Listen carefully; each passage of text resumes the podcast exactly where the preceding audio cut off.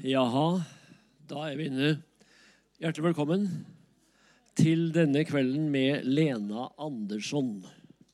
Hun skal jeg si litt mer om, men før eh, vi starter i gang med det, så ser jeg også rent praktisk at det er nødutgang her der det kom inn, og det er nødutgang bak. Det er toalett både i første og andre etasjen bak hjørnet der innover. Det var vel det praktiske. Eh, så skal jeg også slå et slag for denne serien som det her inngår i, nemlig Hva er da et menneske? Det er en foredrags- og samtaleserie som nå etter hvert nærmer seg slutten, men vi er vel også oppe etter hvert i 20 forskjellige innslag. Så jeg nevner bare kort det som skal skje utover våren, i håp om at det kan være flere her også som er interessert i det. I neste uke skal vi ha visesanger, tater og kulturarbeider Elias Akselsen. Her kommer de nærme små. Eh, uka där, ja, lite längre fram i tid, så ska vi ha um, Vigdis Hjort under titeln Jag är avslöjad för mig själv, hjälp. Så kommer eh, ehm, ehm, Audun Mysja. Eh, som- Riktignok så är det utsålt, men han ska alltså komma med sitt föredrag om Krisförståelse. Eh, och så därefter så kommer alltså Dag Hareide og skal snakke om framtidskroppen, altså teknologisering av mennesket og den frykten som en kan ha for det, som også Lena, Lena skal komme litt inn på. Ja, og så kommer altså biskopen i Oslo, Kari Weiteberg, og skal snakke om hvem er den andre. Og så kommer de to herrer Frode Tuen og eh, Bent Sofus Tranøy og skal snakke om livet, døden og kjærligheten, intet mindre. Eh, Gro Nylander, 'Menneskets hjerter forandres aldeles intet', etter Sigrid Undset. Og i, ut, på slutten av vårhalvåret så kommer altså Jan Grue, i, i, nominert nå til Nordisk råds litteraturpris. Og i samtale med Arne Jorn Vetlesen om 'Det var en gang et menneske'. Så du skjønner litt av profilen på det her, og de er velkommen igjen. Men nå er det altså Lene Andersson som jeg skal si litt om. Nå, skal, nå, nå har vi lys på Lene, har vi det? Ja. Um, Lene Andersson har altså kalt uh, det her et foredrag, det er ikke et bokbad. Det er et foredrag Eh, med titeln på svensk förståndets återkomst'. Jag har översatt det ganska enkelt till alltså hoppet på förståndens enkomst. Men det det handlar om, är, hon säger det här i sin eh, uh, lilla sån intro här, att efter ett århundrade eller mer med försök, nu översätter jag till norska, tillåt med det. Eh, Etter et eller mer med försök på att kvitta sig med filosofisk tänkning och den livsnära visdomen til fordel for vitenskapelig empiri og en digital verden, så er det på tide å innse at det oppgjøret skjer på bekostning av mennesket slik som vi kjenner det. En robot som vet alt, men ingenting forstår, er det vi får i stedet. Lena er født i Stockholm. Behøver ikke å, altså, det, men det, står nå her at hun er født i 1970, altså en, en yngre dame. Eh, där hon också är bosatt. Genom 20 år så har hon verkat som skönlitterär författare och har gett ut sju romaner. Den sista är 'Sveas son. Eh, som väl danner lite bakgrund för kvällens föredrag. Eh, foredrag. Det vad vet jag. Men fall så är det då, till skillnad från några andra böcker, så är det ju mer sånn samfunns. Men hon har utgitt tidigare Duck City. Men kanske mest känt i Norge, och kanske för någon i salen, gjennom de to bøkene om Ester Nilsson. Og eh, hennes forhold til den, den, denne kulturmannen som av, skapte en stor debatt i, i, i Sverige. Altså de rettsstridig forføyning og uten personlig ansvar. Men utover det skjønnlitterære så skriver hun altså på lederplass en hyppig kommentar i Dagens Nyheter om mennesket i samfunnet og ideene i mennesket. Hun står også bak radioprogrammet Alvarlig talat, der hun altså svarer lyttere på spørsmål om eksistensielle og filosofiske tema. Så det får være nok da for, som intro, og du er altså hjertelig velkommen hit til byen. Takk. I, midt oppi alt så er jeg også forhenværende stjerneskiløper. Så hon är väldigt inne da i trøndersk och og norsk eh, ski, eh, VM, neuros och allt sammen. Ja. Du är hjärtligt välkommen. Tackar, tackar.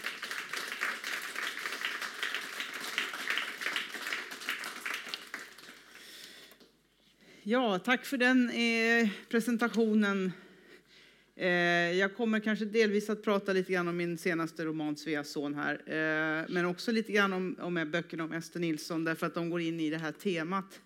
Men själva ämnet här, förståndets återkomst, eh, eller förnuftets återkomst, är, är, som har med humanismen att göra, i, i idéhistorisk mening humanism, inte det här humanism att man ska vara snäll mot varandra, utan det är en idé om, om världen.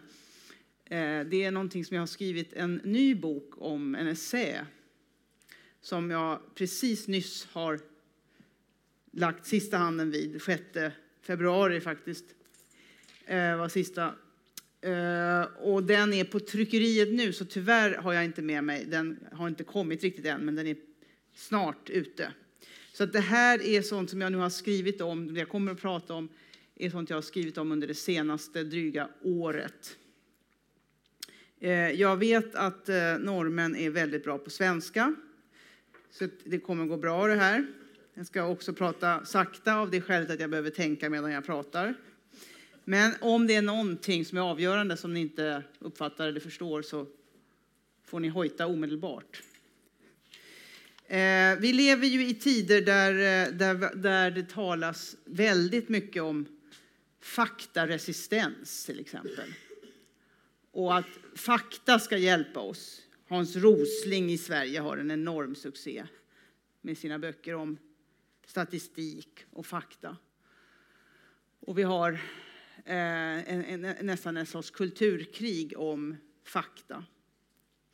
Eh, jag, jag vill inte säga att fakta är, är något fel på, men jag tycker fokuset är på lite fel ställe där trots allt. Jag tycker att Homer Simpson, ni vet i Simpsons, säger en intressant sak. Han säger Facts are meaningless. They can be used to prove anything. Och eh, de är inte meningslösa, men de är otillräckliga. Och det är delvis vad jag har, har, har ägnat mig åt att försöka formulera och förstå i den här boken som jag nyss nämnde. Vi kan inte bara leva av fakta och vetenskap, vi måste också tänka. Eh, människan är en tänkande varelse. Eh, fakta är, can be used to prove anything, säger Homer Simpson. Eh, men de används också på ett stumt sätt av, eh, av de som snarare tycker om fakta, som inte är som Homer, alltså som är väldigt upptagna av fakta. Eh, och då bara nakna fakta, siffror. Jag kan ta ett exempel här eh, som ni kommer, tror jag, omedelbart kunna knyta an till. Det är vad jag menar med det här så det inte blir abstrakt. Alltså det, I Sverige är man väldigt upprörd över på, på sportjournalistik, i sportjournalistiken är man ju fortfarande upprörd över Therese Johaugs så kallade doping. Och nu är hon för första gången med i ett VM här då på fyra år och ett mästerskap. Det var länge sedan hon var med. Hon var avstängd i två år. Eh, ju. Och då skrev Dagens Nyheters, den stora avisen i, i Sverige, eh, sportchefen där som heter Johan Esk.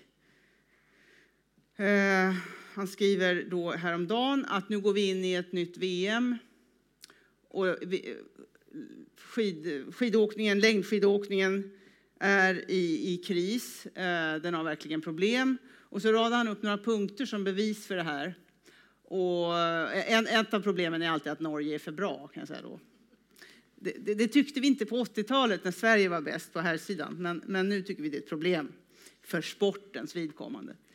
Ett, en av punkterna, den första punkten han radar upp som problem är att ehm, eh, en av de stora stjärnorna, Therese Johaug, kommer tillbaks från en dopingavstängning. Det här är ett problem därför att det ja, förstår man då, det är ett moraliskt förfall. Eh, alltså att det är sorgligt att en nu då, eh, dopad, före detta dopad stjärna är, är, är den stora stjärnan.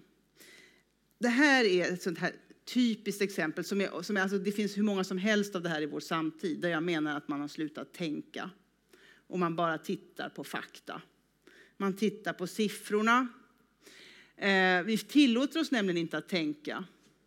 Och här gör den här sportchefen då sig skyldig till detta, eh, tycker jag.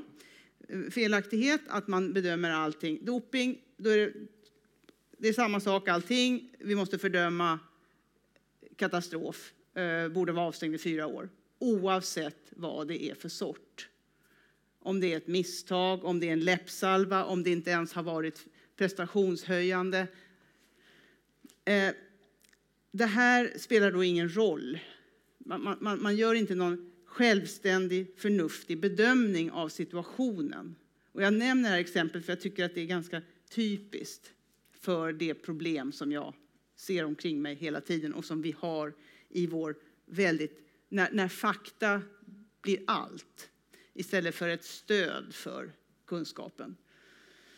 Och när man när man ersätter rationellt tänkande, logiskt tänkande, dialektiskt tänkande där man väger saker mot vartannat. Det vill säga det som människan är specialist på, som vi är de enda på jorden som kan göra egentligen. Ehm, då blir det så här att, nej, hon är dopad, punkt slut. Allt måste behandlas lika. Katastrof. Därför att det siffrorna säger det. Hon var dopad, hon hade de här, det här ämnet i blodet. Vi kan inte, om vi börjar tänka så här, då börjar vi relativisera. Och då är, varför, varför får man inte göra det då? Jo, det finns ett svar på det också. Eh, då är det så här, då är, då är man rädd att man börjar för, fördela, att man börjar tänka så här, ja men om jag nu tycker att det här kanske inte var så särskilt mycket doping och hon, blev ju, hon hade ju inte ens någon nytta av det här utan hon tog sig snarare upp från en sjukdom som är alltså såriga läppar. För det första så tror folk att, eh, alltid att idrottarna ljuger, att de har pumpat i sig steroider i flera år. Men om vi bortser från den tanken, för den kan man inte ens säga man tror. Men jag tror att många tror det. Vi håller oss till den här läppsalvan. Ja, men om jag börjar tänka så här då, ja, men den där läppsalvan var ju inte så mycket. Då tänker den här sportchefen här att ja, men nu tänker jag det här bara för att hon är norsk, hon är blond, hon är snygg, eh, jag börjar behandla människor olika. Jag skulle inte tänka så om en bulgar, en vitryska, en kulstöterska som inte ser ut som Johaug.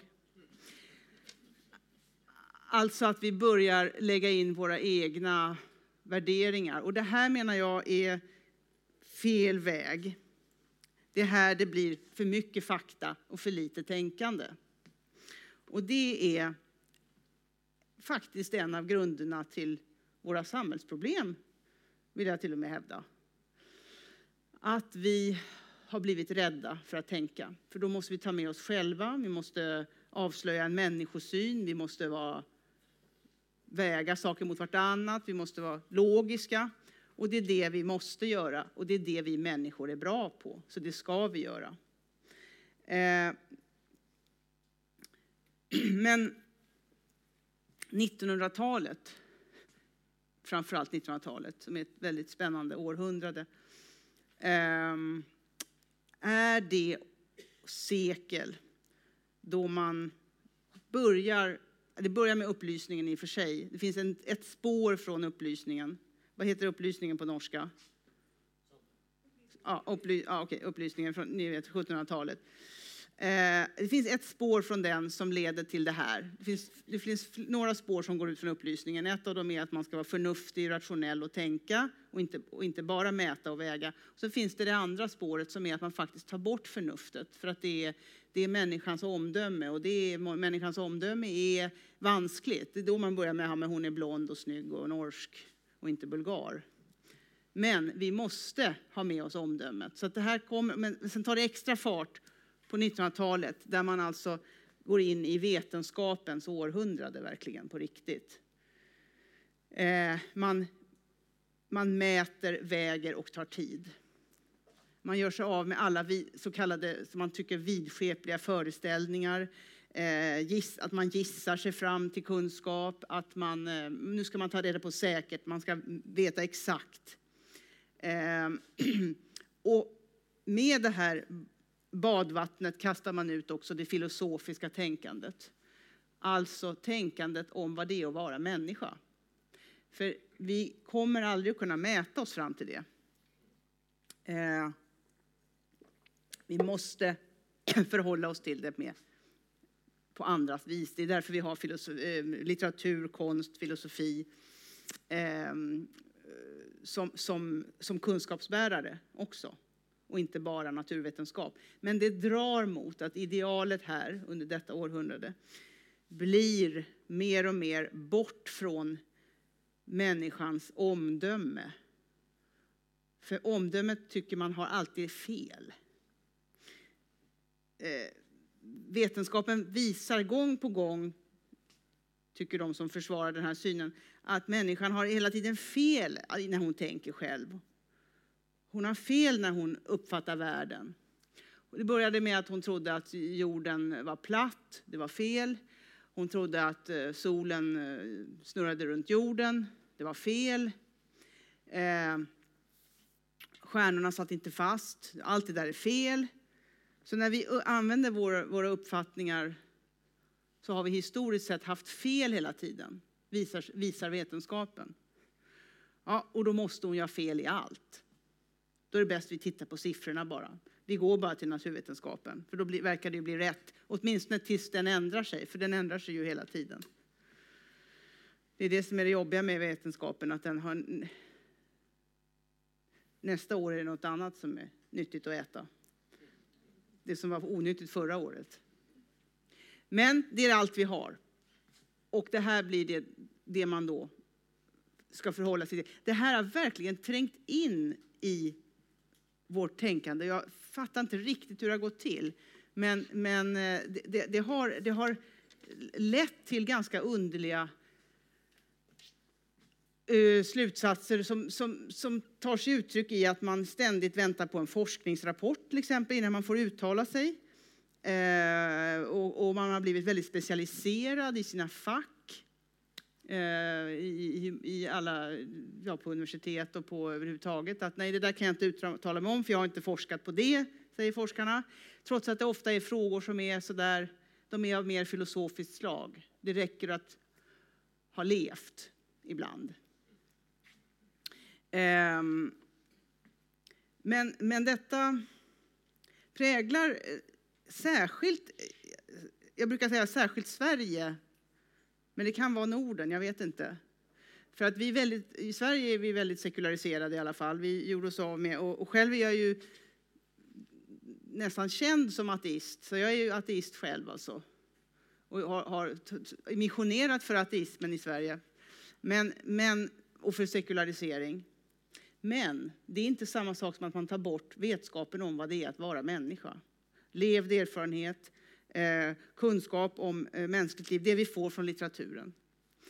Eh, och av, bara av att vara uppmärksam på, på tillvaron och att tänka. Vi måste tänka alltså rationellt, logiskt, eh, som får till följd då att vi tänker så här, ja men har Therese Johaug dopat sig eller inte? Alltså, är det här någonting att ens bry sig om? Hon, regelverket är sånt, vi kan inte säga så här, nej men vi struntar i att straffa henne. Okej, okay, hon får ta sitt straff. Så kan man säga. Men vi måste ju tänka, är det, här, är det skillnad på en doping som är på ett sätt och på en doping som är på ett annat sätt? Nej, det gör man inte efter detta, denna, denna antifilosofins århundrade där man alltså gör sig av med, med, med det här människans omdöme därför att vi tänker att människan har haft fel hela tiden. Ehm, här kommer då postmodernismen in. Som också, den har lite olika namn. Den heter poststrukturalism ibland. Den är väldigt viktig att ha koll på. Ehm, och det kommer ni ha efter den här kvällen om ni inte hade det förut. Den har jag nämligen mödosamt försökt förstå mig på. Och jag tror att jag har lyckats. Postmodernisterna själva skulle säga det har du inte alls. För till den, till, till, till den gruppen hör att man säger att det den går inte att förklara. Ingen kan någonsin förklara den rätt. Försöker man så har man alltid fel. Men jag tror att de har fel i det. Den går visst att försöka förstå sig på. Och låt mig stanna kvar i skidåkningen då, för jag har själv åkt skidor som nämndes här som ung. Jag har faktiskt tävlat i Holmenkollen en gång, 1986 i mars. Jag vann. Ehm. Och vad är postmodernism? Det hänger ihop med det här nämligen. Eh, den kommer nämligen också av idén om att vi har fel. Postmodernismen är också den här idén att människan har fel. Det är därför den, den talar om att nu berättelse, den, den, den bröt igenom på det här sättet att den sa att de stora berättelserna är döda. Berättelsen om män, mänskligheten som en. Marxismen var en stor berättelse till exempel om världen. Och den kallar allting för berättelser. Därför att, därför att vi når inte sanningen. Det är bara naturvetenskapen som gör. Det är bara siffrorna som är rätt. Resten är bara berättelser. Så fort vi öppnar mun så förfalskar vi och beljuger världen. Eh, och eh, enligt, enligt eh, denna poststrukturalism eller postmodernism som kommer då på 60-talet den, kommer den starkt, eh, den blir väldigt stor på 80-talet i litteraturen och konsten och arkitekturen. Men egentligen har den funnits sedan antiken. Alla de här idéerna har funnits sedan 500 år före vår tideräkning, minst. Då stred nämligen Platon och Aristoteles på ena sidan mot den tidens postmodernister som sa ingenting finns, vi uppfattar världen fel, vi konstruerar den språkligt. Så sa Platon och Aristoteles, de var inte överens om allt, men de, på den här punkten är de överens, vill jag hävda. De säger så här, nej, men det måste finnas något, världen existerar, det finns något som är. Vi, må, vi ska ta reda på vad det är. Vi måste kunna enas om genom argumentation, genom att tänka logiskt, genom att vara rationella, genom att betrakta. Vi måste på något sätt tro att våra sinnen inte helt förleder oss. Eh, vi måste kunna komma fram till någonting som stämmer. Okej, okay, så det här är en gammal strid egentligen. Mycket gammal, men den blossar upp mer eller mindre eh, i olika perioder och sen slutet på 1800-talet då med med nihilismens ankomst och Nietzsche så blir den eh, stark. Och då med den här, får den, den får faktiskt skjuts av naturvetenskapens stor, storhetstid här under 1900-talet när teknikutvecklingen är mycket stark och eh, man, man, Einsteins relativitetsteori, allt det här kommer vid samma tidpunkt. Och då får man ännu mera upp ögonen för att vi, människan har ju fel i allting. Allt hon har trott är fel. Eh, hon, är, hon har metafysiska föreställningar och det enda som räknas är det fysiska. Alltså det vi kan säga säkert. Resten är påhitt, myter, berättelser. Eh, så då håller vi oss till siffrorna. Och då går vi bort från människan. Så det här föredraget, det här, den här seriens namn, vad är då, ett män, en, vad är då en människa? Eh, jag skulle säga att svaret på den, är, på den frågan är att det, det, är, det är en människa som just kan filosofera. Människan, människan är den varelse som, som kan filosofera. Och det är precis det vi tar bort här, schematiskt, schematiskt uttryckt. Men det är det som vi strävar bort ifrån.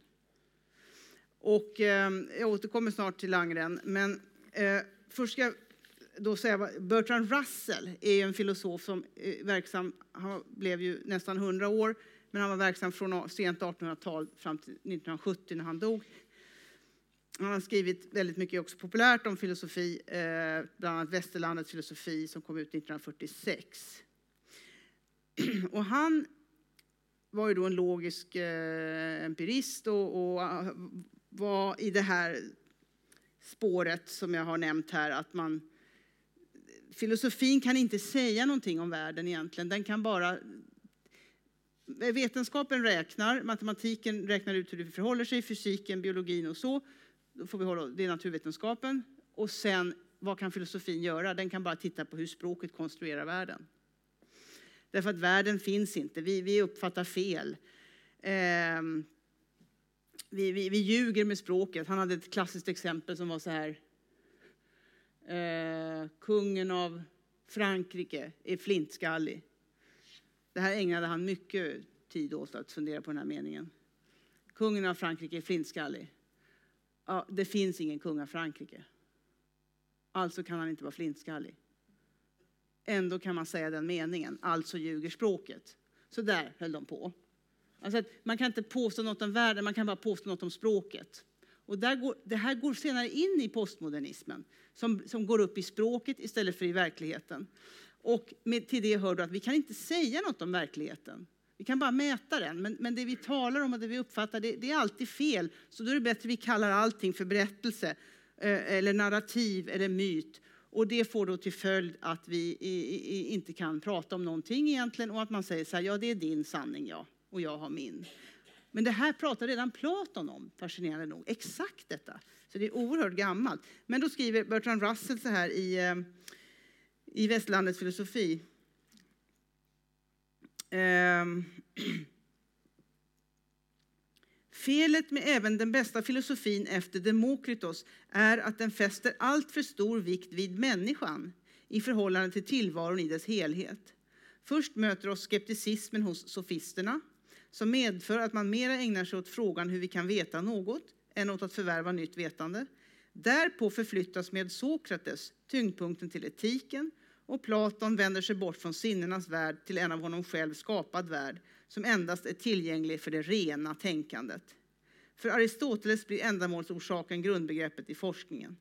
Trots genialiteten hos Platon och Aristoteles har deras tänkande vissa fel som skulle visa sig mycket ödesdigra. Jag menar då också att hans tänkande också har vissa fel som har visat sig mycket ödesdigra. Men vem är jag att säga det? Jag är bara en författare. Men jag tror att jag ändå har rätt. Och felet här är alltså enligt honom är att man går in i människan. Och detta är mycket intressant. Man ska alltså vara utanför människan. Och egentligen där, vad kan vara där? Jo, kunskapsteori och naturvetenskap. Vad, vad Platon och Aristoteles är att de talar om vad är det att vara människa i världen. Och det är vad filosofi måste handla om. Vad är det att vara människa? Hur är det att leva som människa? Och Platon har ju sin idé om de här idéerna. Eh, eh, om de ideala formerna, som kallas idéer eller former. Eh, och det är en otroligt relevant idé fortfarande och för oss idag. Medan då hans motståndare sofisterna och dagens poststrukturalister, postmodernister säger det där är bara konstruktioner av oss. Det där är, vi, vi, vi, vi, vi, vi hittar på det här med att det finns ett perfekt äpple eller en, eller en perfekt människokropp eller eh, att det finns en ideal, idealt sätt att... Eh, det är, bara, det är bara en idé vi har. Den ska vi försöka istället, vetenskapen ska istället visa att den är fel. Vi har hittat på det här i vårt huvud. Ehm, och då kommer vi till skidåkningen. Jag skrev en text i en i DN, då, i Dagens Nyheter, som finns tryckt i, på norska i min bok som heter Verkligheten och resten. Eller något motsvarande, det heter så på svenska, Verkligheten och resten. Som heter VM i postmodern skidåkning. Eh, och det, var, det måste ha varit inför förra VMet då, två år sedan. Eh, för, för vad poststrukturalismen och postmodernismen säger är att tingen har inte natur. Fenomenen har ingen nödvändighet eller, eller det finns inga ideala former, så som Platon säger. Då. Det, finns, det finns ingenting som måste vara på ett särskilt sätt. Allt är konstruerat av oss. Och så ser man skidåkning. Man ser massstart, som det heter på svenska. Fällestart, som det heter på norska. Och så förstår man, tingen har natur. Skidåkningens natur är inte fällestart. Förfallet är bastant, som en gammal norsk skidlöpare sa till mig. Och jag håller med honom. Skidåkningen har en natur. Allting har natur det finns ett idealt sätt att utföra saker på. Och det här kan bara vi människor, det finns ingen vetenskaplig grund för det jag säger nu. Och det är meningen. Det går inte, det går inte, att, det går inte att mäta fram det här. Utan vi måste ha det som vi, vi, vi ser, känner och tänker. Och så ser vi, det blir bättre om man startar individuell start som man hade nått fram till förut. Det var alltså mer i linje med skidåkningens natur. Därför att vad handlar skidåkning om? Då kommer vi till den här Aristoteles idé om teleologi, alltså att saker har ett syfte, de, le, de ska leda, de, de har en riktning. Vad handlar skidåkning om? Det handlar om att plåga sin kropp ensam mot klockan i skogen. Inte runt slottet i Stockholm. Inte i stan. Det kan man göra, det kan man göra på skoj. En tävling per år i vårsolen. För det är skoj. Men skidåkning till sin egen natur, för saker har natur, handlar om detta andra. Och det blir lite förskevat, det blir fel när man inför denna nya tävlingsform. Det är inte för att den är ny som den är fel, utan den är fel för att den är fel. Man började ju så. Man börjar åka skidor så startar man naturligtvis på en linje, för det är en slags primitiv form. Först gör man det primitiva, det enkla, det man först kommer på. Man är, man är några barn som ska åka skidor. Så åker man så här. Och, så, och sen märker man att nej, här finns det en komplexitet, en komplexitet som kan bättre få sin fulländning om vi gör på ett annat sätt. Och så har man då fått klockan som har kommit. Klockan. Och då inser man det här. Nej, skidåkningen blir som bäst om man startar en och en och så tar man tid. Det är också mycket roligare att titta på. Men det tycker man inte i Mellaneuropa.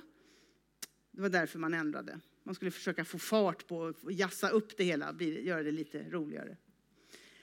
Eh, det är ett exempel på, när man alltså, på den här, hur den här utvecklingen har lett till att man menar att man kan...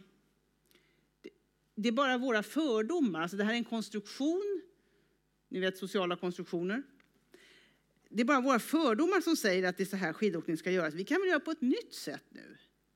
Vi lever ju i konstruktivismens tidevarv som hänger ihop med det här med att ingenting är, ingenting måste vara som det är, utan det kan vara hur som helst endast naturvetenskapen eller vetenskapen då eh, kan avgöra. Och det, naturligtvis kan inte vetenskap avgöra hur man ska åka skidor. Det, det förstår man ju. Alltså kan man åka skidor hur som helst, blir svaret. Eftersom vi inte har något filosofiskt samtal. Vi, om jag säger så här, man, kan inte åka skid, man ska inte åka skidor så här. Det, det är något fel på det här. Då är jag ju bara konservativ. Alltså jag är bara det, det, är bara en fördom. Så vi, vi, för vi har inget filosofiskt samtal om saker och ting. Vi har släppt Platon och Aristoteles och då har vi släppt västerlandets vagga. Och det är oerhört dumt av oss, som samhälle betraktat menar jag nu. Att bara avfärda det där är ju bara din åsikt. Ja, men det är inte en åsikt. Jag motiverar den ju. Nu finns det något som heter supersprint också. Sprint tycker jag är bra. Den har hittat sin form. Den har hittat sin egen natur och form. Den, den, den, har verkligen hittat sina former hur den ska åkas. Sen hör det ju till saken, den har ju lite lägre status, det måste man erkänna. Den har lite lägre status. Det kan vara för att den är ung, men jag tror inte det. Det är något annat också. Det är inte riktigt likt. Det, det, är inte riktigt. Det är som när man, när man skriver en novellsamling så säger recensenten, det här kan nog bli en romanförfattare så småningom. Och, och femmilen är ju borta, den finns ju inte längre. Fem mil massstart, det är inte samma sak. Det finns något som heter supersprint. Det är en säsong, en tävling per säsong och det är i början. De kör 100 meter skidor. 100 meter. Det är fullkomligt meningslöst. Men jag menar att det här, och det här kan ju inte någon vetenskap bevisa, det går inte att belägga. Och det är därför vi håller på på det här sättet. För att, ja, men kan det inte beläggas, då, det, då, då, kan man inte säga något om det. Och jag menar att man kan säga något om saken ändå, genom logisk argumentation, genom att visa på exempel och genom att samtala på det här sättet. Ett annat exempel jag brukar ha på vad postmodernism är och den här upplösta poststrukturalismen eh, är då när jag var åt en ehm, eh, en råbiff i, i, i Stockholm. Eh, vad heter råbiff på norska? Är det steak tartar eller? Ni vet den här, rå, alltså steak tartar va? Ja, tartar, bra. Eh, en svensk råbiff i alla fall, den har, eh, det är rå, rå, rå köttfärs och så är det rödbetor, rå lök, äggula, kapris. Ni känner igen det? Okej. Okay. Jag gick och beställde, eh, på en restaurang och beställde in en råbiff. Det här skrev jag också då en artikel om. Jag hade, den här boken handlar ganska mycket om de här frågorna, den där verkligheten och resten. Ehm, ja, jag beställde råbiff. In kom råa köttsmulor, gröna salladsblad och parmesanost. Det här var på en italiensk restaurang. Smakerna var det inget fel på. Jag tänkte så här, ja, ja, de gör så här här. Två veckor senare var jag i Göteborg på en annan, helt annan sorts restaurang och beställde in igen råbiff. Det stod, det hette råbiff. Tartar. Eh, in kom råa köttsmulor, sydkoreansk surkål, kimchi, och så såna här emulsionskluttar, väldigt färgglada ofta, gula, gröna såna små krämer som ligger så här på tallriken. Och då, då, det var inte gott ens. Och då sa jag så här, det här är ju inte råbiff, sa jag. Jo, men sa, sa han, det här är en fusion. Och då gick jag hem och skrev en artikel som hette Postmodern råbiff. För det här är återigen samma sak. Nej, men vem har sagt hur en råbiff ska vara? Det är väl bara att lägga ihop lite som man vill. Vi byter, vi byter ut ingredienserna, vi kombinerar som vi vill. Det är bara en fördom, en konstruktion att den ska vara på ett visst sätt och att smaklökarna säger oss någonting. Det har vi bara lärt oss. Det, det är en tradition som, eh, som... Eh, jag är inte någon stor fan av traditioner, det är inte det ni ska tro här nu. Utan jag, däremot är jag intresserad av hur hänger saker ihop? Vi har något i oss, något inneboende medfött som gör att vi vet vissa saker. Vi kan se harmonier, vackra former. Eh, vi, eh, ja, det är olika i olika kulturer, säger ni nu. Ja, det är det. Men i alla kulturer har man något slags schema för det här. Även där ser man, har man en hierarki på det knöliga, det sköna, det fula. Och hur smakerna hänger ihop. Så den här fusion, den hette crossover på 80-talet. Eh, och det var att man korsade olika kök. Inget fel i det. Alltså det är ju jättebra. Det är ett kreativt sätt att komma vidare och pröva nya saker och komma fram till nya rätter och nya smaksensationer. Men man ska inte låta sig förledas och tro att, vilket man gör, att allt passar ihop och jag ska bara lära om och jag är bara gammeldags och, och, det är bara en konvention och det är bara något inlärt att saker passar ihop på ett visst sätt. Och jag tycker dessutom inte att man behöver snylta på någon annans namn, till exempel råbiffens namn. Um, ett, ett, annat exempel på det här, det här nihilistiska, ska vi säga stumma siffertänkandet som griper omkring sig, som är skadligt för vår intelligens. Det gör oss dumma, tycker jag. Eh, eh, jag menar att det också är så. Eh, det, det, är... Om jag tar mina, mina romaner om Ester Nilsson. Som, eh, hur, är det någon här som har läst? Ja, det är ganska många. Eh, det handlar ju alltså om en om Ester som är i 30-årsåldern, 30-37 i de olika två böckerna, som alltså eh, stångar sin panna blodig mot två olika män i de två olika böckerna, där hon tycker att de har eh, en, en, relation, men det tycker inte de. Eh, kort sammanfattning kan man säga det, det var. Eh, I första boken handlar det kan man säga, om förälskelsens olika faser och sen i andra boken träffar hon en gift man som hon umgås med eh, i köttet, alltså från och till sexuellt och, och, och på andra sätt i flera år. Men han fortsätter hela tiden att vara gift. Eh, de här, de här böckerna, framförallt egenmäktigt förfarande som heter rättsstridig förföljning. Det intressanta med den är att den gick väldigt bra inte ekonomiskt, men den blev väldigt väl mottagen i katolska länder. Ehm, jag var i Mexiko, Spanien, Italien, Frankrike eh, och pratade om den. Litauen, också katolskt. Total förståelse för Ester, enligt som jag tycker då man ska förstå henne. Eh, medan i framförallt anglosaxiska länder där den här empirismen, den här vetenskapssynen, den här lite mer upplösta, det har gått längre, postmoderna har gått längre. Där är de lite lätt oförstående och det blir helt andra läsningar. Eh, jag tänker på kritikerna då kanske framförallt och det intellektuella samtalet. Då är det så här, ja men alltså han vill inte ha henne, vad är problemet? Varför fattar hon inte? Men i katolska länder, det har inte med religion att göra, utan det har med filosofi att göra. De har nämligen inte lämnat tänkandet om vad det är att vara människa. De har kvar Aristoteles, Platon också. De har inte, de har inte gjort en fusion av sin råbiff. De har inte börjat eh, göra om skidåkningen till någonting som man känner alltså, i överförd bemärkelse. De menar precis det jag menar där. Att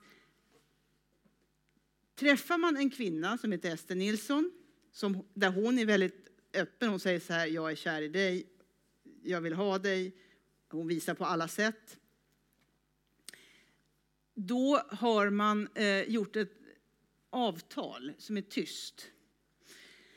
Då, då går man in i någonting, man, man har ett kontrakt, man, man, det uppstår ett kontrakt av detta möte som pågår.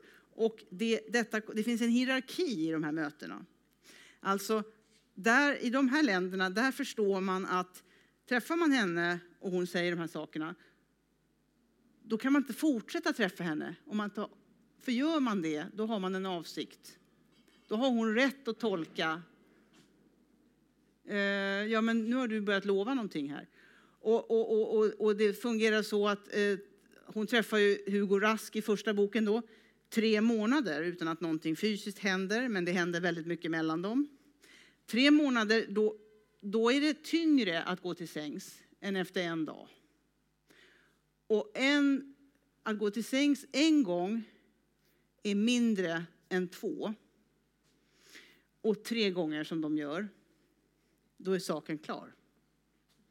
Det här har man total förståelse för i, i de katolska länderna.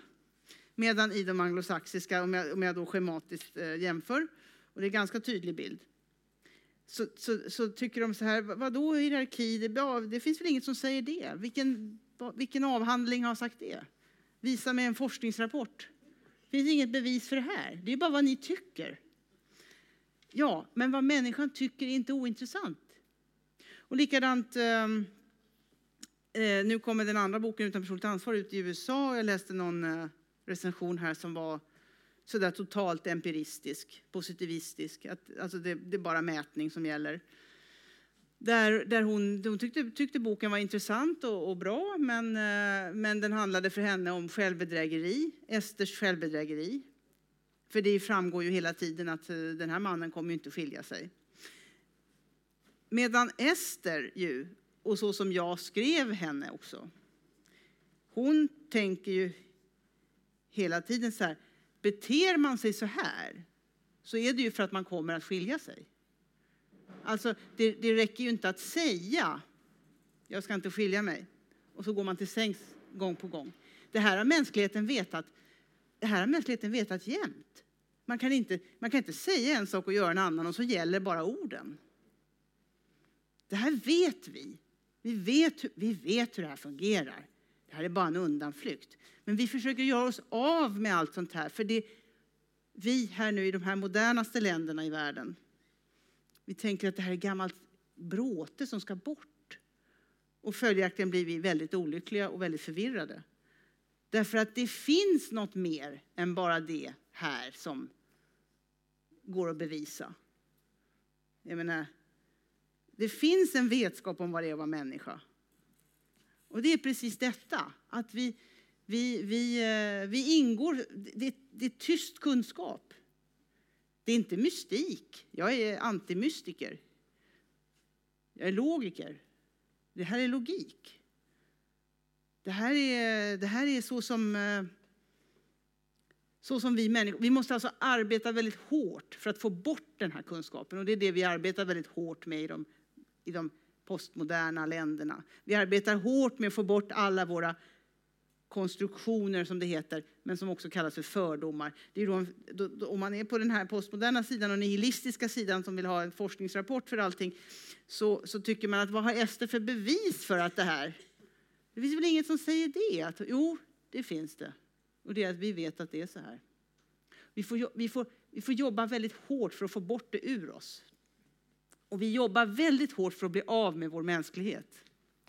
Det, det här, alltså vi har robotarna som ideal nu. Artificiell intelligens, det är vårt nya ideal. Och det, är en, det här är en robotsyn på världen och på människan. Och den, ni vet att robotarna, robotarna ska ta över oss, det har ni hört va? Vi ska bli överflödiga, har jag läst. Jag förstår inte vad det betyder faktiskt. Men eh, det sägs så. Robotarna ska ta över. Och de är så himla intelligenta och de har artificiell intelligens och jag tycker att de är det jag ser av robotarna än så länge är ju att de är otroligt korkade. De fattar ingenting. Men de är väldigt bra på siffror. De är väldigt bra på data. För de minns allting. Och en människa som minns, om man tänker sig att det, är en, det här är som en människa, en människa som minns allt men ingenting förstår är ju fullständigt livsfarlig för en. För de kan aldrig läsa av en situation. De kan inte förstå vad är vi nu i för sorts eh,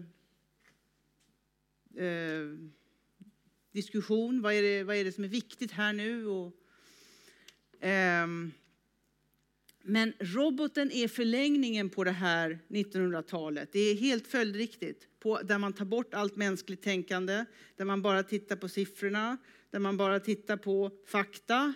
Så, och inte på situationen, inte på tolkningen av situationen. Alltså mellan människor, i ett, sam, ett samspel mellan människor, det är bara tolkning. Nästan hela tiden. Och vi är otroligt bra på att tolka. Vi läser av ögon, kroppar, vi läser av rösten, vi läser av vad var det som inte sades här nu och varför sades det inte. Ibland tolkar vi för mycket, eh, ibland eh, är vi paranoida. Men bara det att vi kan vara det, det kan inte en robot. En robot kan inte vara paranoid, det kommer bli helt fel. Om den programmeras som paranoid kommer den vara helt fel. För att en paranoid människa är inte paranoid hela tiden. Men roboten kommer vara det hela tiden. Den kommer aldrig kunna bestämma när den inte ska vara det till exempel kommer aldrig kunna känna sig trygg att nu är jag inte paranoid. Um, så att det här med att robotarna ska ta över, över oss och de ska bli intelligenta och slå ut oss. Jag förstår inte ens vad det betyder och det är ingen som förklarar vad det betyder. De bara säger det som en fras, ungefär som man säger att klimatet, klimathotet leder till att jorden kommer gå under. Om tio år kommer den gå under. Ingen säger så här, hur ska den gå under? På vilket sätt? Kommer vi brinna upp? Kommer vi att drunkna? Kommer vi... Nej, den kommer gå under bara. Det är inte till någon hjälp. Eh, och hur, på vilket sätt ska robotarna ta över? De, är, de, är, de, är det för att de blir väldigt mer... De, de, vi behövs inte, vi, de, de, blir som vi fast bättre. Men de är ju inte som vi. Det är det de inte är. Människan, eh, människan är, är mycket mer... Eh,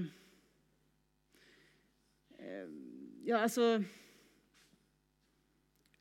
Alltså, vi förstår inte oss själva tillräckligt mycket för att kunna programmera en robot, om jag säger så.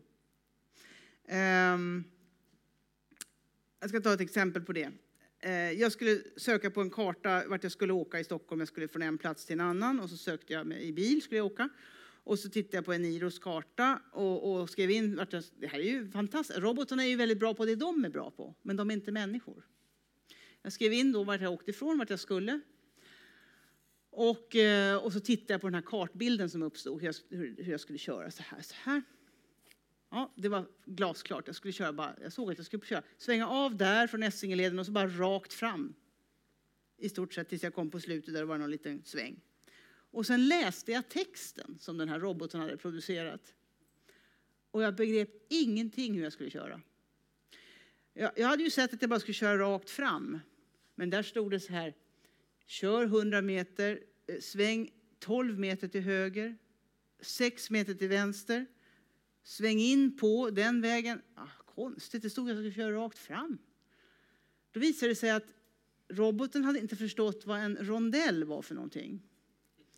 Heter det rondell? Sån där rundplats. Ja. Den förstod inte vad en rondell var. Så den sa sväng 12 meter höger, 6 meter vänster, kör in på den. Det blev fullständigt obegriplig information. Därför att den är för dum. Den är så intelligent att den är för dum. Alltså intelligens är ju inte bara att förstå en massa siffror. Det är ju att förstå vad undrar den här människan? Vad är hon på för nivå här nu? Vad, vad, vad är det? Och det här är vi människor fantastiska på. Vi är så bra på det. Det är det som är svaret på den här föreläsningsseriens fråga. Vad är då en människa? Det är att förstå andra människor. Hyfsat i alla fall. Eller, alltså jag sa att vi är väldigt bra på det. Vi är väldigt bra på det. Men det finns alltid en glipa. Så ingen känner sig helt förstådd. Så är det ju. Men vi är väldigt bra på att tänka så här, nu undrar du det där eftersom du ska inte fråga det där om inte. Alltså situationsförståelse, tolkning, Eh, vi kan skämta, vi har humor. Därför att vi har de här metanivåerna, metafysiken, tänkandet om tänkandet, som är det som 1900-talet har gått ut på att göra sig av med.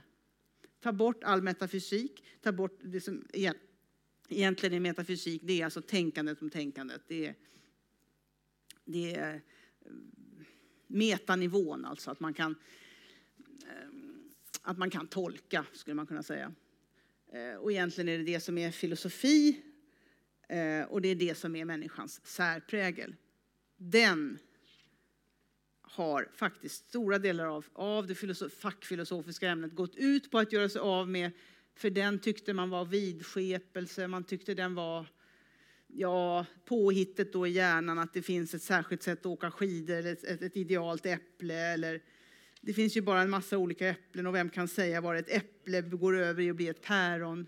Det går inte att hitta en exakt gräns här. Eh, I, I naturen finns inte de här exakta gränserna som vi drar upp genom språket, genom att avgränsa äpplet från päronet i naturen. Man gör en väldigt stor sak av, både i naturvetenskapliga sammanhang och i postmoderna sammanhang. De är faktiskt mer lika än man tror. Eh, så gör man en stor sak av att världen består ju bara av naturen här ute, den består ju bara av kontinuum så här. Det finns inga de här skarpa gränserna som vi gör. Vi, vi säger ett bord är ett bord och en stol är en stol och langren är langren.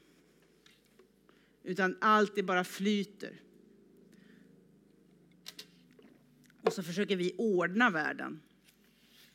Ehm, vi försöker ordna den så att den blir begriplig för oss och då, och då skapar vi en berättelse om den, menar postmodernisten, som, som, som den ska konstruera. Det är inte helt osant. Som de dialektiker vi nu är här, med förnuftet och förståndet, så är det så här att postmodernismen har haft sina poänger och, och har. Det är inte helt osant att det finns eh, saker att dekonstruera, att se när någonting är en konstruktion som vi tror är nödvändig, att se vad den består av. Man måste gå mellan de här båda. I, i, inte minst när man, när man eh, kanske ser eh, hur, hur, vi, hur vi framställer eh, olika grupper eller eh, eller, eh, jag, jag, brukar ha exemplet så att man, eh, när man lyssnar på en brittisk film om andra världskriget och Hitler.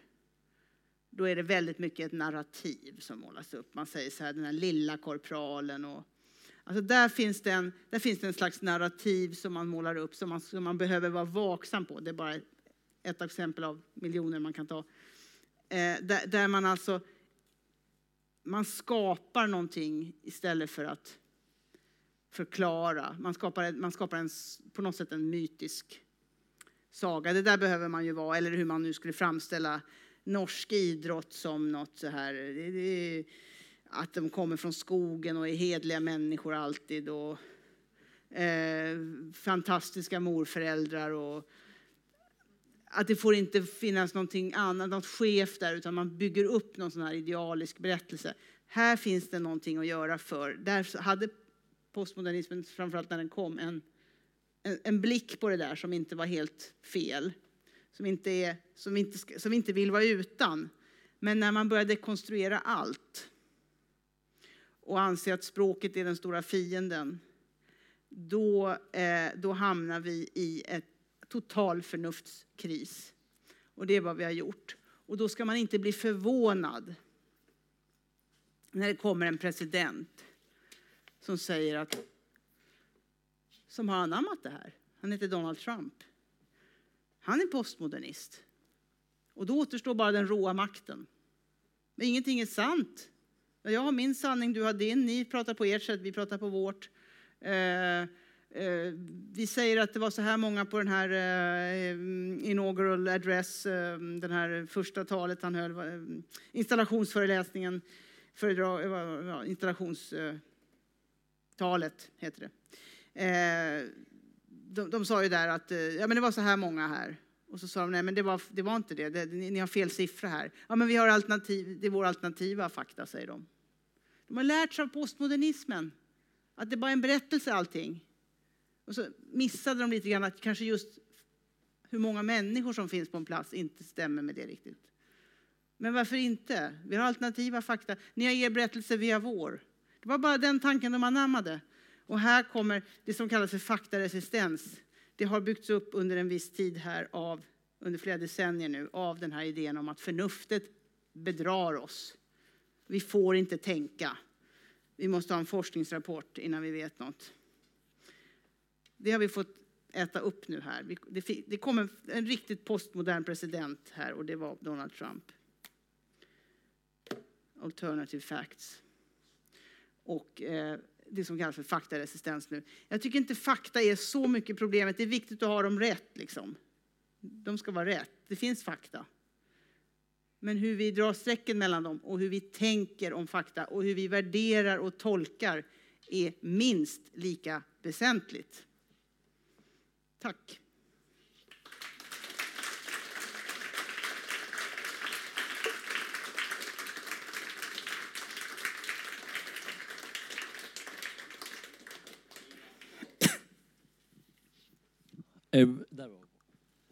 Ja. Da fikk du jo eh, sagt eh, noe begripelig om postmodernisme. Mm. For det er mange som tror det, nemlig at det har noe med postverket å gjøre. At en slutter med postombæring på lørdag, f.eks. Det er typisk postmodernisme. Ja, det er også. Nei da. Men da skal vi gå over i en samtale og spørsmål, kommentarer fra salen. Hva som helst. Vær så god. Det brukar ta lite tid. Du, du kanske ska börja då, så att, så att de kommer igång? Du kanske kan kasta fram något? Nej, jag har... Eh, nej då, men här är det... Ja, det, det är mycket att snacka om här. Spörsmål ja. här, ja. Ja, du får en mikrofon här.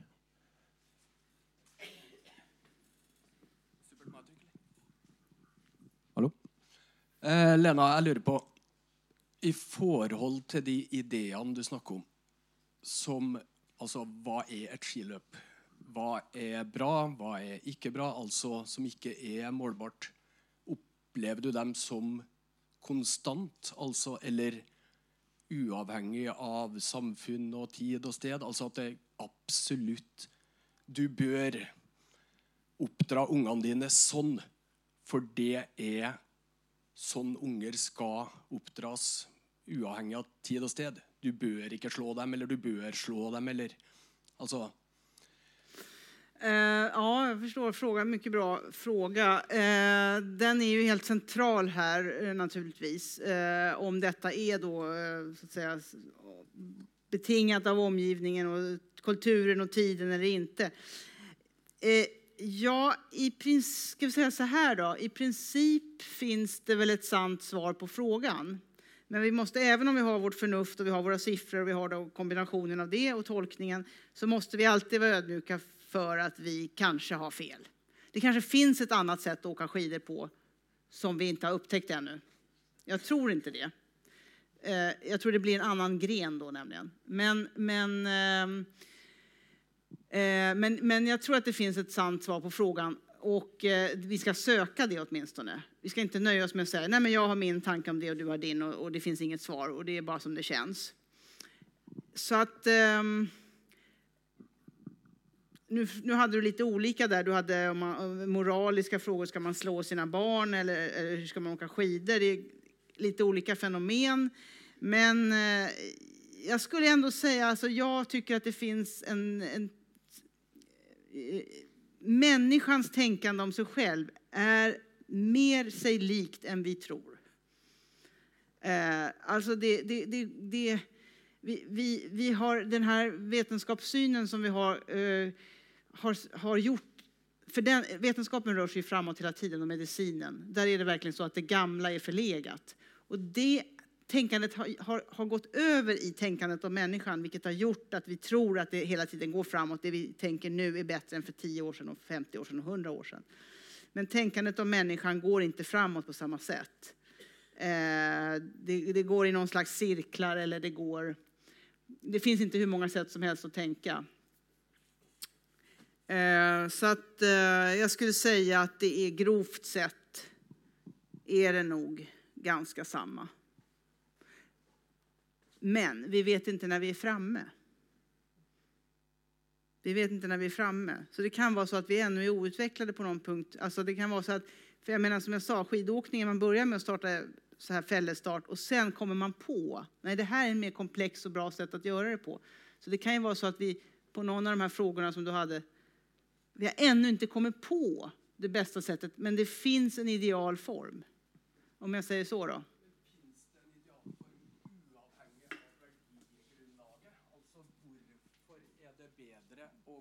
gå klokka alene i skogen. Hvorfor oppfatter du og sikkert mange det som bedre enn å starte samtidig og gå 100 meter? Det är ju också spännande. Nej, det är väldigt ospännande. Ja, okay. Det är inte spännande, men någon syns det är spännande.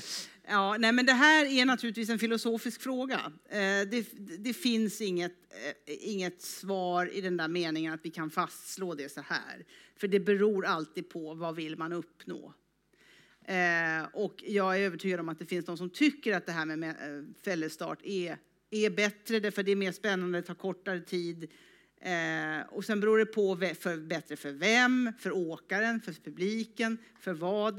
Eh, så att jag kan inte bevisa det här. Det är det som är min poäng. Det här går inte att bevisa. Men jag menar att det är i linje med skidåkningens hela natur. Alltså, om man tar skidåkningen som helhet så är det någonting här som säger oss att den ska utföras på ett visst sätt. Och den kommer att tyna bort annars. Det, det kanske kommer visa sig hur den tynar bort möjligen. Jag tycker till exempel inte att man ska, alltså, det här att tävla i att byta skidor.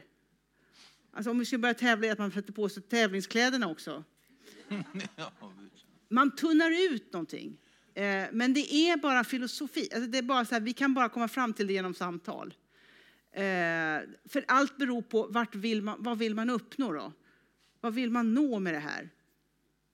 Ja, jag skulle säga det, den frågan blir avgörande. Vad, vad, är, vad är meningen med skidåkning?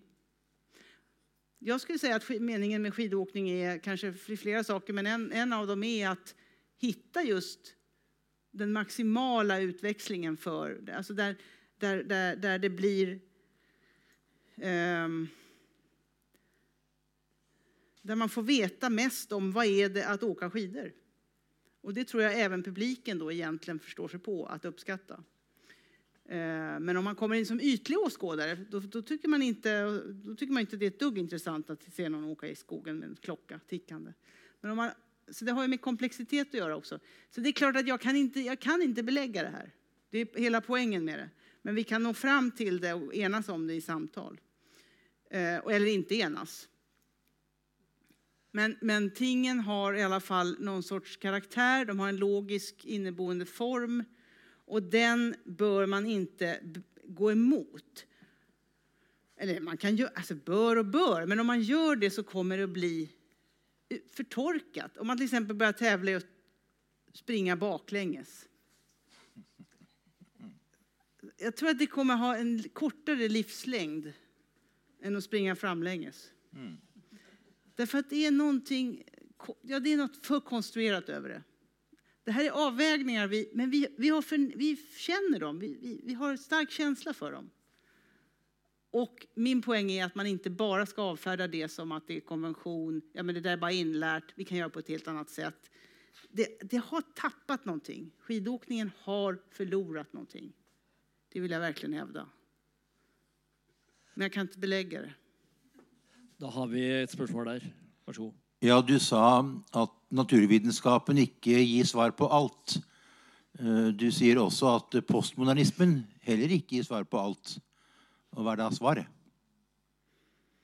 Refleksjon? Ja, reflektion är i alla fall det som fattas däremellan. Vi, vi, vi, som människor måste vi också reflektera. Vi måste tillåta oss att reflektera. Vi måste ha ett samtal om eh, som, där man inte säger så här, det där går inte att bevisa, alltså är det inte sant. För att naturvetenskapen har ju, alltså i princip går allt att mäta. Alltså i princip finns det ett sant eller svar på allt som är sant. Men, men det går inte att mäta det. Metoderna kommer aldrig tillåta oss det. För att det är, det är hur man lägger ihop saker, det är hur man uppfattar, det är, ja, det är mycket mer subtilt och komplext. Så vad är sant? Eh, Ja, det, det, det kommer ju inte ens Platon fram till. Han kommer i varje dialog, han, han är verkligen underbar att läsa. Det, det, alltså, det är verkligen inte så svårt som det låter med att läsa Platon. Eh, det, det är ljuvlig läsning. Eh, han kommer i varje dialog fram till att det här går inte att svara på, men ändå finns det något här. Alltså det är filosofiska frågor. Men det ska inte bli flum av dem. Det, det, det, det, ska inte vara, det ska inte vara så att man känner att man tappar fästet med. Det gör man inte när man läser honom. Det är aldrig så att man tappar fästet med någonting man känner igen. Om man är en förnimmande, reflekterande människa som lever i världen. Ehm, så att vi får, men det är just det här, eftersom, eftersom, vi, eftersom sanningen så att säga inte finns i den här enkla meningen utanför det vi kan mäta, så har det blivit så att vi bara mäter då. Vi bara mäter. Eller känner. Mäter eller känner. Känslan är också en sorts empiri. Eh, är det något jag är säker på så är det att jag känner det jag känner. Det, det kan ingen ta ifrån mig. Så det har gått in i empirismen. Det är därför vi bara mäter och känner.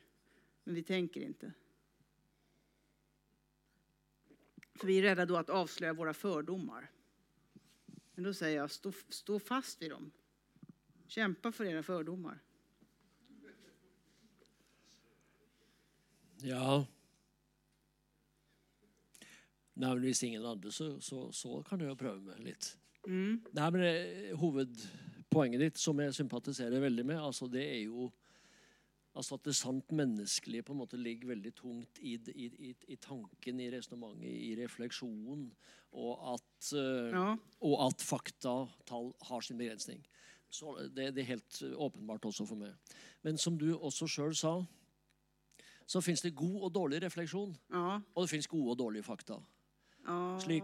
Nej, fakta är fakta. Eller, ja. Eh, vel Nej, men alltså, antingen är de fel eller rätt, om jag säger så. Jo, jo, men det for så vidt det jeg mener, da. Ja, just det. Ja. Ja, precis. Sånn at til syvende og sist så blir det jo en slags refleksjon også om forholdet mellom refleksjon og fakta, altså, Ja, det blir det. som gir det beste resultatet. Men vi kan inte släppa fakta.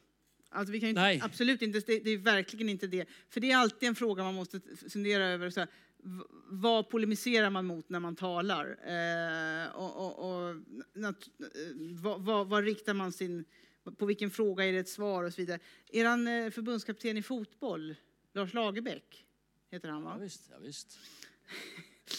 Han är väldigt bra, tycker jag. Och eh, han pratar väldigt mycket om att han går på fakta i sin eh, tränargärning. Han är väldigt inne på fakta, säger han. Och i motsats till vad då? Jo, som han säger, tro, hopp och kärlek. Vad menar han med det? Jo, jag tror att han menar, för jag har faktiskt träffat honom några gånger och pratat lite om det här. Ehm, han menar, kan man säga, tro, hopp och kärlek är att så här, nej, men vi försöker vara Brasilien fast vi inte är det. Om man heter Sverige. Utan man måste ta reda på vad, hur gör man när man vinner en fotbollsmatch. Och lite som Drillo gjorde. Eh, hette han Drillo? Ja. Ja, Lille. ja precis. Eh, alltså, Lagerbäck har ju då tittat på statistiken väldigt mycket så här. Den som vinner närkamperna vinner matchen. Det visar statistiken. Eh, en spelare har bollen i genomsnitt i 45 sekunder under en match på 90 minuter. Alltså man springer alltså i 89 minuter utan boll. Eller 93 blir det ju då faktiskt, för de alltid har förlängning. Det är bara det att det här är också stumma fakta. Så jag skulle vilja säga till Lagerbäck, nej, han är rationell. Det är inte bara fakta. Men han ställer det här med fakta mot då kanske Erik Hamrén som var den svenska förbundskaptenen förut som bara drömde. Ja, men det bara drömde om att det skulle vara vackert och det skulle vara dribblingar och det skulle vara snyggt. Sånt som då spelarna inte klarade av. För de var inte brasilianare. Så det är det han ställer fakta mot, att man måste ta reda på hur det förhåller sig. Men sen är han rationell. Man måste kombinera rationalitet med fakta. Han, han måste ha en plan för det här. Det räcker inte att veta att man 45 sekunder har bollen. Någon har den kanske i 10 minuter dessutom. Eh, så man måste alltid kombinera de här olika naturligtvis. Vi kan inte frångå fakta. Men vi måste förstå med vårt förstånd när det är det vi ska ha och när vi ska tolka fakta. Eh, när vi ska göra en metatolkning. Eh, när vi inte ska vara stumma helt enkelt. Nej, då sa du akkurat det som, Som du var tänkte. lite ute efter. På. Ja, precis. Eh, altså Den store filosof Wittgenstein sa det jo med en smule ydmykhet. Han sa, skrev i sin dagbok så skrev han en dag Hvordan kan det ha seg at jeg forstår det som ingen andre forstår? Mm. Neste dag så skrev han Med hvilken rett kan jeg si det at jeg forstår det som ingen andre forstår? Altså en slags sånn ydmykhet hele tida på, på eh, så kompleksiteten i, i, i det. Det, det syns jeg er veldig bra. Ja, ständ- ständigt reflektera och komma ihåg att det är det som är vår stora styrka, vi Ja, människor. visst. Alltså, roboten reflekterar inte. Och de säger så här, ja men den ska bli självlärande. Visst, okej, jag kan inte prata för hur robotarna är om 2000 år alltså. Det är svårt. Men just nu, är de in, om de, även om de är självlärande, varför gör de reklam riktad till mig? Där jag ska köpa mina egna böcker. De skickar reklam från Bokus.com. Köp Lena Andersson. Därför den har inte förstått att jag får mina egna böcker från förlaget. Den vet inte vad det är att leva i världen och framförallt inte i den litterära världen. För det kräver mycket konstig kunskap. Bara sådana saker. Man måste också förstå, man kan inte bara veta saker. Skal vi la det være eh, konklusjonen for i kveld? Om ni tycker så. Ja, det noen her? En Det tillegg bak mörkt, så- Jo, jag sitter och håller micken. Jag vet inte hur jag ska formulera mig. Ehm, jo, men jag, det är lite det du är inne på nu eh, med framtiden. Och vi säger att eh, robotarna ska ta över och artificiell intelligens kommer och så. Men vad menar vi egentligen när vi säger att robotarna ska ta över? Ta över vad då? Och då tänker jag, är det kanske att robotarna tar över naturvetenskapen, databehandling, beslutsfattande? Medan vi människor, vi är fortfarande och kommer fortfarande vara bra på det här med ja, reflektion och filosofi. Är det då det vi ska ägna oss mer åt, ehm, tänker du? Eller kommer vi alla bli, kommer alla läsa humaniora på universitetet och några få ta sig av ingenjörskonsten? Eller Ja, det är ju en bli? intressant tanke. Det kanske är det, kanske exakt det som är slutsatsen, att vi, vi ska bli ännu mera människor. Och bli, bli, bli de filosofer vi är födda till. Barn är väldigt filosofiska till exempel, funderar ju på varför det är som det är. Och sen, sen, sen lämnar vi det och så försöker vi bli naturvetare istället. Eh, Det kanske är lösningen. Jag förstår inte heller vad det är robotarna ska ta över, vad man menar med det där som jag sa. Vad betyder det att de ska ta över? Men, det, men de är bra på stora datamängder. Eh, Så det kanske är de, eh, det, det, det kanske är så det blir. Men jag, men jag känner mig väldigt osäker alltså, på hur de ska klara av det här eftersom, det är så, eftersom de inte fattar någonting. Men... Eh, eh, men jag tror att som det är nu går, ju, går utvecklingen åt andra hållet. Att vi, vi blir mer lika robot. Vi idealiserar roboten snarare. Eh, och eh, försöker efterhärma den. Och då kommer det inte bli humaniora och filosofi. Och tänkande och reflektion. Och jag menar, när man säger humaniora och filosofi är jag inte säker på att man ska läsa det på universitetet just nu. För där tycker jag det verkar farligt att vara. Eh, för där är det mycket poststrukturalism. Jag kan säga så här, igår, igår till exempel sökte jag på några grejer. Datorerna vet ju precis vad man söker på. Och sen så anpassar de sig sina logaritmer till det. Eller algoritmer heter det va? Algoritmer, förlåt. Eh, och så skickar de ut reklam till mig då, så försöker de anpassa. Det kommer bli ännu värre förmodligen det där. Då tittade jag på min egen sökhistorik igår under bara en kort stund. Då sökte jag på eh, Bertil Östergrens biografi över Olof Palme. Som jag tänkte att jag ville köpa. Den kom 1984. Jag fick för mig att jag skulle köpa den. För någon hade pratat om den med mig dagen innan. Jag beställde den. Först sökte jag på den, beställde den. Sen tänkte jag på det här föredraget och då tänkte jag att man måste ta reda på vad den där John Dewey sa, kanske jag kan ha nytta av det. Sökte jag på John Dewey pragmatism. Ja, och så fick jag upp något om det och så läste jag. Tredje och sista sökningen där var polarkaka innehåll. För då blev jag lite hungrig. Då var jag sugen på att äta en polarkaka och skulle se vad den innehöll ifall det var något jag fick äta enligt min diet eller inte. Ja, jag har ingen särskild diet, men jag brukar kolla vad saker innehåller. Jag ska, försöker inte äta så mycket mjöl. Eh, den här roboten som... Alltså en människa som ser det här kan förstå att ja, människan är komplex.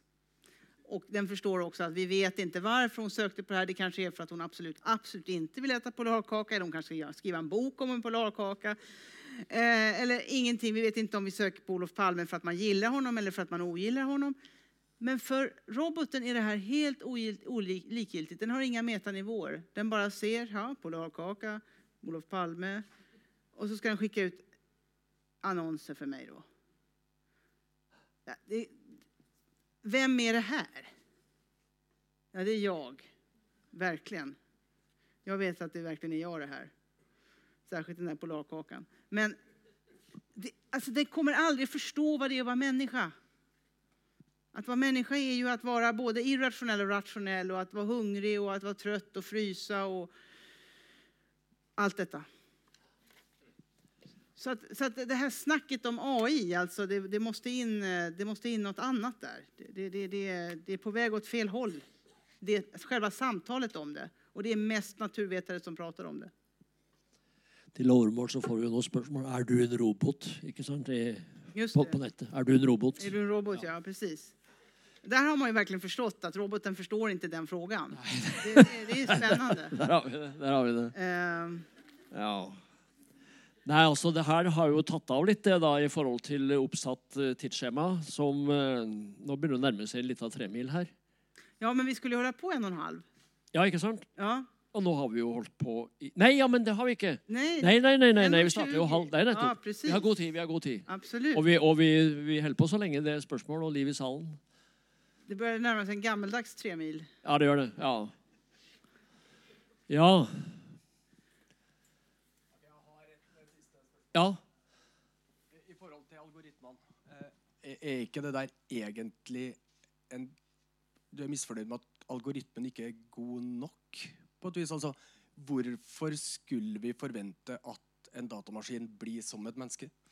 Altså, er det, er det gjengs oppfatning at et, en datamaskin vil kunne agere som et menneske? Altså, er, ikke, er det ikke en oppfattelse av at en datamaskin er bra på noe og dårlig på mye annet. Da. Altså, Det är så jag tycker vi ska förhålla oss. Alltså, det är så jag tycker vi ska förhålla oss till datamaskinen och den kraften som är fantastisk. Men Men, men i samtalet om det är det ju som du vet, de ska ta över efter oss och vi, vi kommer bli för dumma för dem. Och, de, de, alltså, de gör det de är bra på. Eh, men, men, men vi ska inte tala om det som om de ska ersätta oss. På vad då? Alltså, det, alltså, fåglarna är också bättre än vad vi är på att hitta till exempel till, utan karta. Eh, lejonen är bättre på att vara lejon.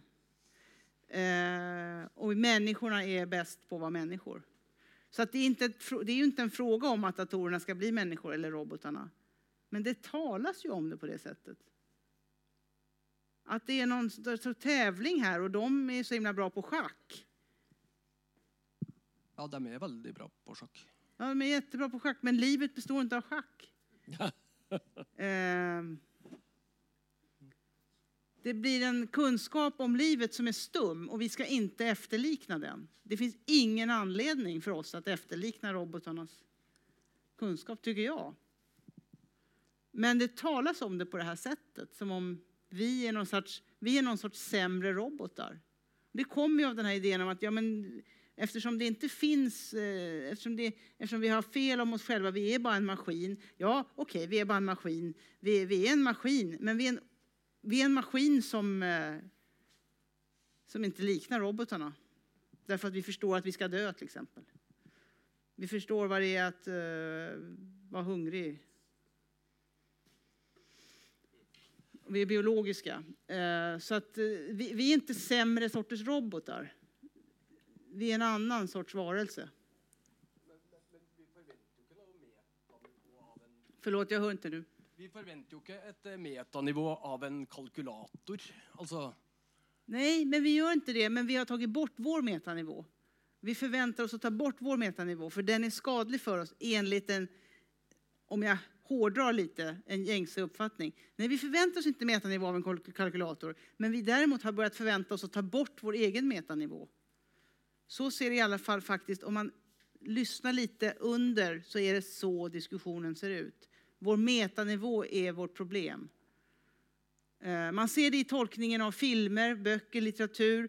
Eh, vi, vi ska inte ha en metanivå. Det är väldigt, det är väldigt så här skala 1 till 1. Där sa någon ett felaktigt ord som är, som är dåligt, det är nedvärderande. Censurera, ta bort det. Därför att, vi, därför att vi har ingen metanivå kvar längre, för vi är robotar. Vi har blivit robotar. Vi förväntar oss inte en metanivå av en kalkylator. Och eftersom den är vårt ideal nu, så ska inte vi heller ha någon metanivå. Så uppfattar jag att det på något sätt ser ut. Jag ska inte tänka så här, Therese Johaug är ju inte riktigt dopad enligt mina definitioner. Alltså jag tycker inte det här är doping. Doping kräver något helt annat. Det kräver intention, det kräver att man får en prestationshöjning, det kräver mycket mer än det här lilla futtiga. Nej, men det är bara för att hon är blond och snygg och norsk som jag tänker så. Hjälp, ta bort den här metanivån. Kalkylatorn förstår ju inte sig på det här med blond och norsk och snygg. Och det är vårt ideal av det skälet. Den har inga fördomar. Men vill det inte ofta vara ett problem att du värderar fordi jag är blond och pen och norsk, och att du därmed som människa vill värdera hur mildare oavhängig av vad har gjort det, sammanligna med en eh, kulestöter eh, från Bulgarien? Absolut, det, det, det är en risk. Men jag eh, tycker att det finns här argument som går att eh, använda utan att dra in blond och norsk och söt och snygg. Alltså jag, jag, jag, jag, tror, jag menar ju inte att det är därför jag tror att jag anser att hon inte är dopad. Jag menar att det är så de som inte får tänka på det här, de är rädda för att det är det de tänker, att det går in i deras tolkning och därför låter de bli att tolka. För då kommer det här eh, relativiserandet och det här eh, orättvisade och, och, och, allt det här in. Men jag, jag tror att vi kan hålla ordning på det. Jag är helt övertygad om att det inte är därför jag anser att Therese Dohage inte var dopad. Alltså hon är det i teknisk mening. Man kan inte säga något om den här avstängningen. Hon är tekniskt sett dopad. Men, men vi måste också... Den moraliska indignationen bör inte vara särskilt stor. Det påverkar hur vi ser på det. Okej, okay, hon måste ta sitt straff därför att det går inte att komma runt det här tekniska. Det går inte att komma runt det här. Vi kan, där måste siffrorna gälla och det är så. Men därifrån till att tycka att det, det, det, är förfärligt, hon är lika dopad som någon som har pumpat in systematiskt eh, med avsikt att fuska och så vidare. Förstår du mitt resonemang? Nej. Jag tänker att problemet är att du nettopp vill värdera Johaug mildare fordi AIP-en. I sum så har folk helt rätt. De är rädda för att de vill göra det, fordi de vill göra det. Ja, de, nej, men gör de det då? Alltså gör de det? Ja, ja, klart, ja, ja, klart de gör det. Ja, det, det, det är möjligt att de gör, men det finns ju samtidigt rationella skäl för det här. Det går ju att motivera det helt rationellt. Det inte har någonting med blond att göra eller någonting. Det, det gör ju verkligen, det går ju att ställa upp det här transparent så att vi ser vad det handlar om. Och vi kanske borde inse att vissa kulstöterskor i öst också var lika oskyldiga om vi fick veta hela sanningen. Vi måste ju då ha öppenhet för det. För lösningen kan ju inte vara att vi gör så här, bara för att vi inte får, bara för att vi inte får värdera. Det, I det här fallet ska det naturligtvis inte spela någon roll hur någon ser ut, eller, eller hur trevliga de är, eller hur mycket de gråter på presskonferensen. Men vi har också ett förstånd att värdera. Vi kan ju kliva tillbaka från oss själva och se, är det det jag nu tänker? Är det det? Men vi har ju lärt oss att vi kan inte det för vi har vårt omedvetna och det, det lurar oss och det är säkert därför jag egentligen och så vidare. Men vi kan ju kliva tillbaks och titta på argumenten. Och vi måste göra det. In, inte när det gäller det tekniska straffet, men när det gäller den moraliska indignationen så måste vi kunna bedöma olika saker. Det här har ju gått in också i den här nya våldtäktslagstiftningen. I, i, I, synnerhet, jag vet inte hur ni har det här, men i Sverige är våldtäktslagstiftningen sådan att det, det blir absurda konsekvenser. Därför att man får inte tänka. Man får bara vara en robot som bedömer, har detta skett så och så och så? Och så finns det omkringliggande saker som, om juridiken inte får tolka, då har vi ingen juridik. Då kan vi ha en automat som, som, som, som, som spottar ut straff och påföljder. Juridik är ju att bedöma, tolka, vad hände, hur ska vi förstå att hon gjorde så, om han gjorde så. Det här har stora konsekvenser alltså. Det är nästan lite rart att ingen har nämnt Jag tänker på den humanistiska, eller alltså det att vara människa, till skillnad från roboten. Känslor, inlevelse, mm. moral. Mm. Alltså det som definitivt inte är robotens väsen. Ja. Det, det, är ju, syns till tider den verkliga motsättningen. Ja, precis. Men eh, vi ska... Födelser och tänkande tillsammans. Jo, inte sant. Inte sant. Mm. Ja. Men man tänka om något. Alltså, ja. det som betyder... Tänker man så här, men hon är så pen. Då måste man nästa tanke, då har vi, vi har ju möjlighet att titta på den tanken och säga, men det spelar ju ingen roll. Vi har ju en möjlighet att se på vårt eget förnuft. Det är det som är vår metanivå. Vi kan ju se, nej men nu förfördelar jag Therese Johaug här för att hon ser ut på det här sättet. Uh, och hon är norsk och jag känner samhörighet med Norge. Vi har ju möjlighet att titta på den tanken och diskutera den. Och fortfarande granska argumenten. De står ju där, vi kan ju ställa upp dem. Men det här har vi förstört därför att vi har satt upplysningen i vanrykte, den del som innebär argumentation. Därför argumentation började betraktas som särintresse bara. Jag bara talar för min grupp, jag, jag talar för min, min hudfärg, min, mitt kön, mitt det, min grupp så. Eh, då, då, då, då, kan vi glömma, då har vi bara mätstickorna kvar. Då kan vi bara mäta och känna.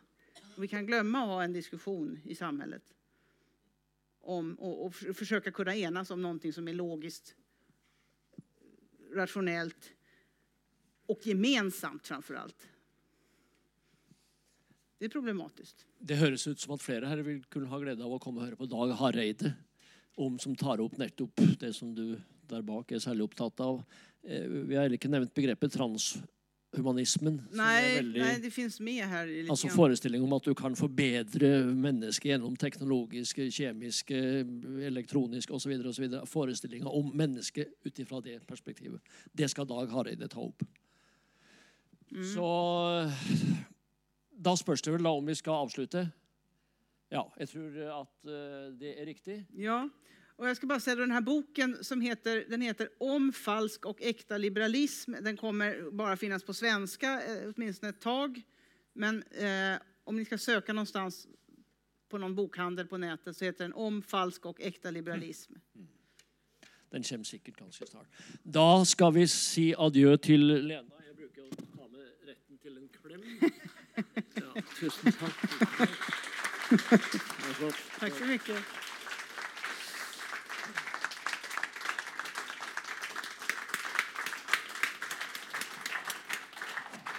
Och tack för ikväll.